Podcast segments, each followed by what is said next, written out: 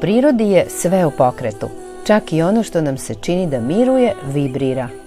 Životni sokovi u biljkama, voda u rekama, vetar u granama. Kretanje je odlika života, a konstantno mirovanje vodi u njegovu suprotnost. Isto je i sa ljudima. Nama je pokret najprirodnije stanje.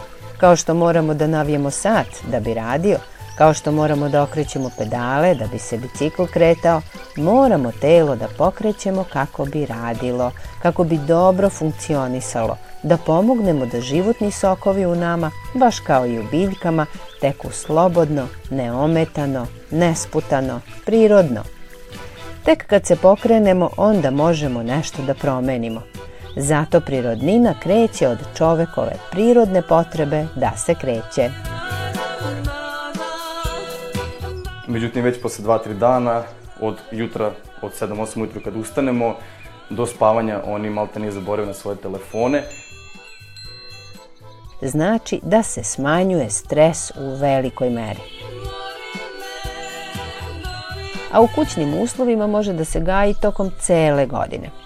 Evo kako da sačuvate seme bosiljka.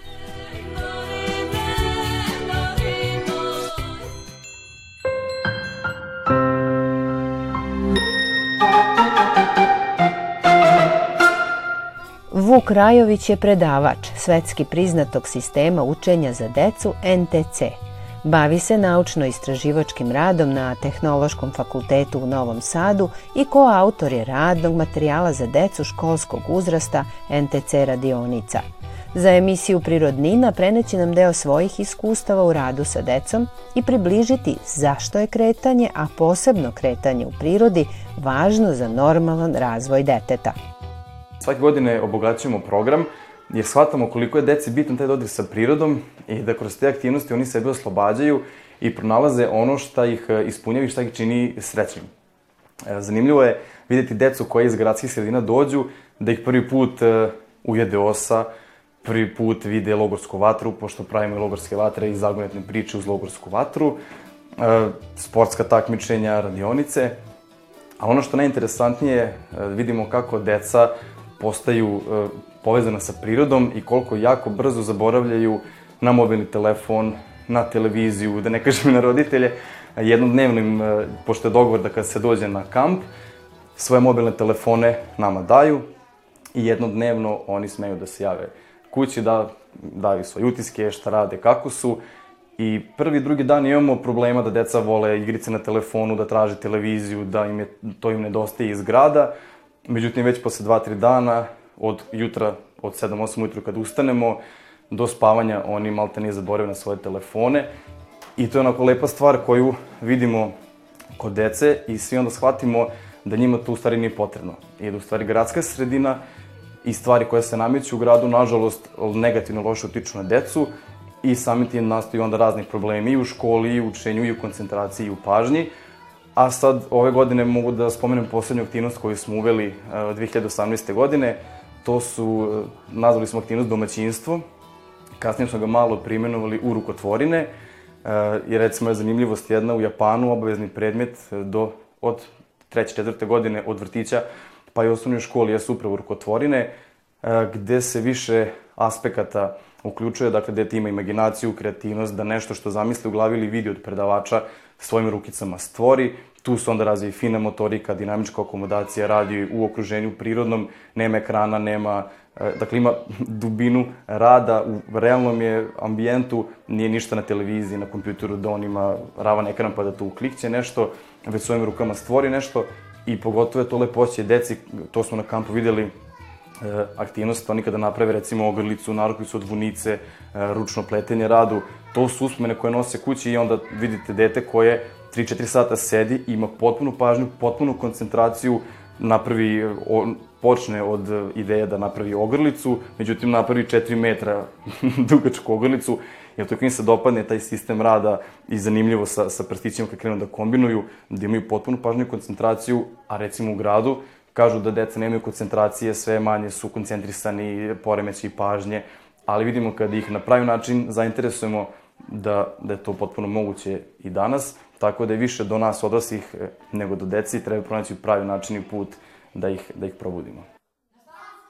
Kako smo se vratili sa kampa, nisu prestali da stižu izveštaji roditelja i utisci oduševljenja dece, jer im je to ubedljivo bio najveći utisak ove godine, upravo te rukotvorine domaćinstvo, gde smo radili i kapice za patuljke, smo pravili od toalet papira i vunice, pa onda ogrlici narukvice od ručnog veza, pa smo pravili od testa razne figurice koje, su onda, koje smo ispekli, pa smo onda sa temperama uh, ih farbali, ukrašavali, pa smo pravili isto od testa narukvice, ogrlice, čak smo radili jedan deo, e, dečacima se to više dopalo nego devojčicama, ali svi su učestvovali mali bicikl deči, gde smo onda učili kako da odvrnu točak sa francuskim ključem, da otkoče kočnice, da skinu točak i da vrate sve nazad na mesto. Merili smo vreme, pa smo napravili malo takmičenje i tu je zanimljivo vidjeti kako deca, kada se sve predstavi da je neki rekord, da je ubaranje rekorda u pitanju, da je svetski rekord recimo minut 42 sekunde za to što radimo, a onda oni vide da mogu da urade za 2 minuta i 5 sekundi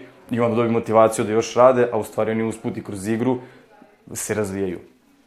Kad smo se vratili sa kampa, videli smo koliko im, je, koliko im se to sve dopalo, tako da smo sad u Novom Sadu pokrenuli e, ciklus radionica NTC Rukotvorine, gde deca od 4 do 14 godina mogu da se prijave i da neke od aktivnosti koje su na kampu e, isprobane probaju ovde u Novom Sadu.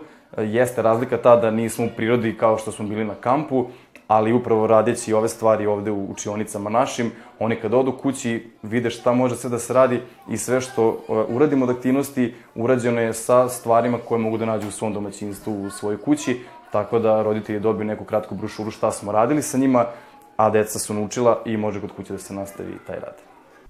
Ukoliko u nekom trenutku boravak u prirodi nije moguć, onda se i u zatvorenom prostoru može organizovati igra koja će decu podsjećati i učiti o prirodi.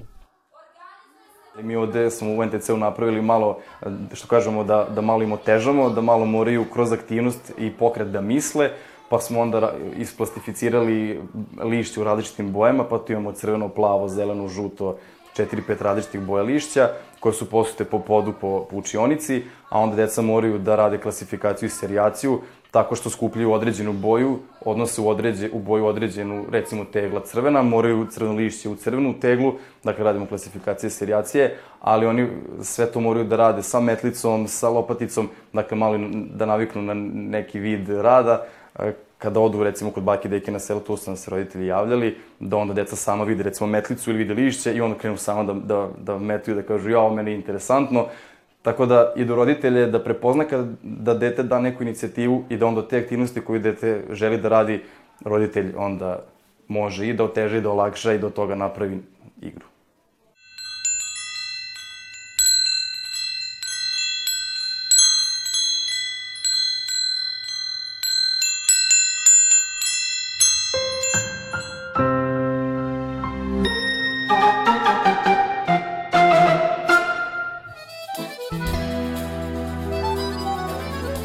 Kretanje u prirodnom okruženju, a posebno u šumi, donosi velike koristi za ljudski organizam.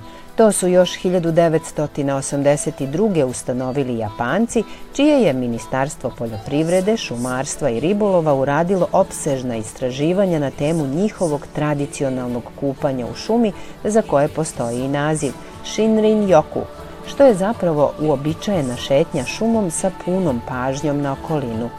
Eksperimenti su izvedeni u 24 šumska područja i ustanovljeno je da se nakon dvočasovne šetnje šumom smanjuje koncentracija kortizola, smanjuje se krvni pritisak, puls, aktivnost simpatičkog nervnog sistema, a povećava aktivnost parasimpatičkog nervnog sistema, što prevedeno na razumljiviji jezik znači da se smanjuje stres u velikoj meri.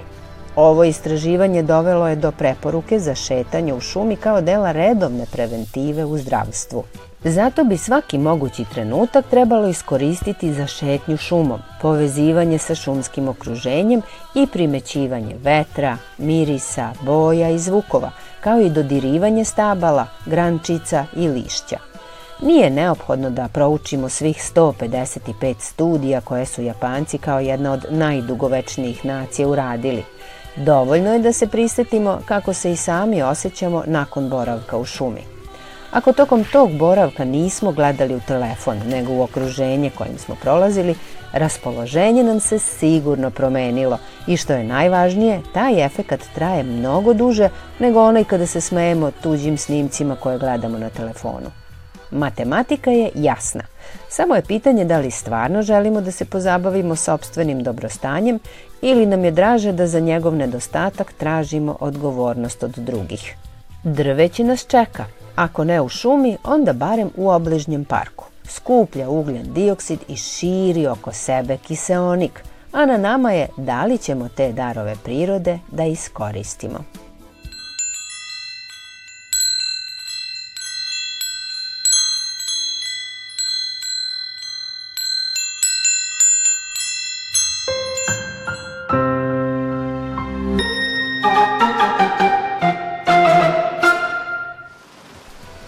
Bosiljak je aromatična biljka koja može lako da se gaji u kućnim uslovima.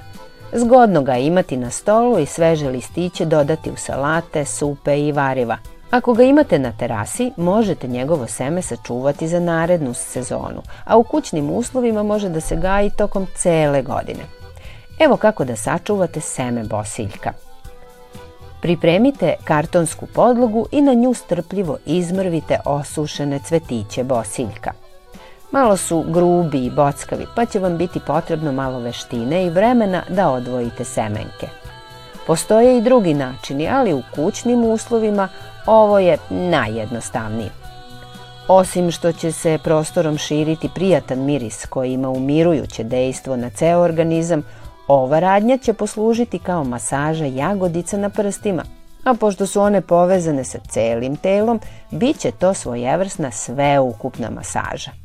Psihomotorika ovih pokreta korisna je da bismo se makar na kratko udaljili od svakodnevnih briga i svega onoga što nam krade energiju.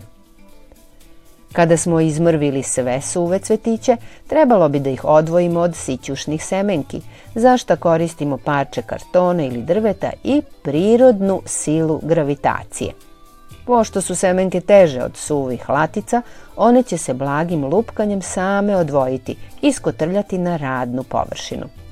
Zatim semenke sakupimo i spakujemo u papirnu vrećicu ili fišak koji sami napravimo obavezno zabeležimo koje su semenke spakovane i koje godine, tako da na proleće možemo da ih posejemo i imamo novi bosiljak koji ćemo koristiti kao čaj, začin, inhalaciju ili grickati poneki listić kako bismo osvežili dah.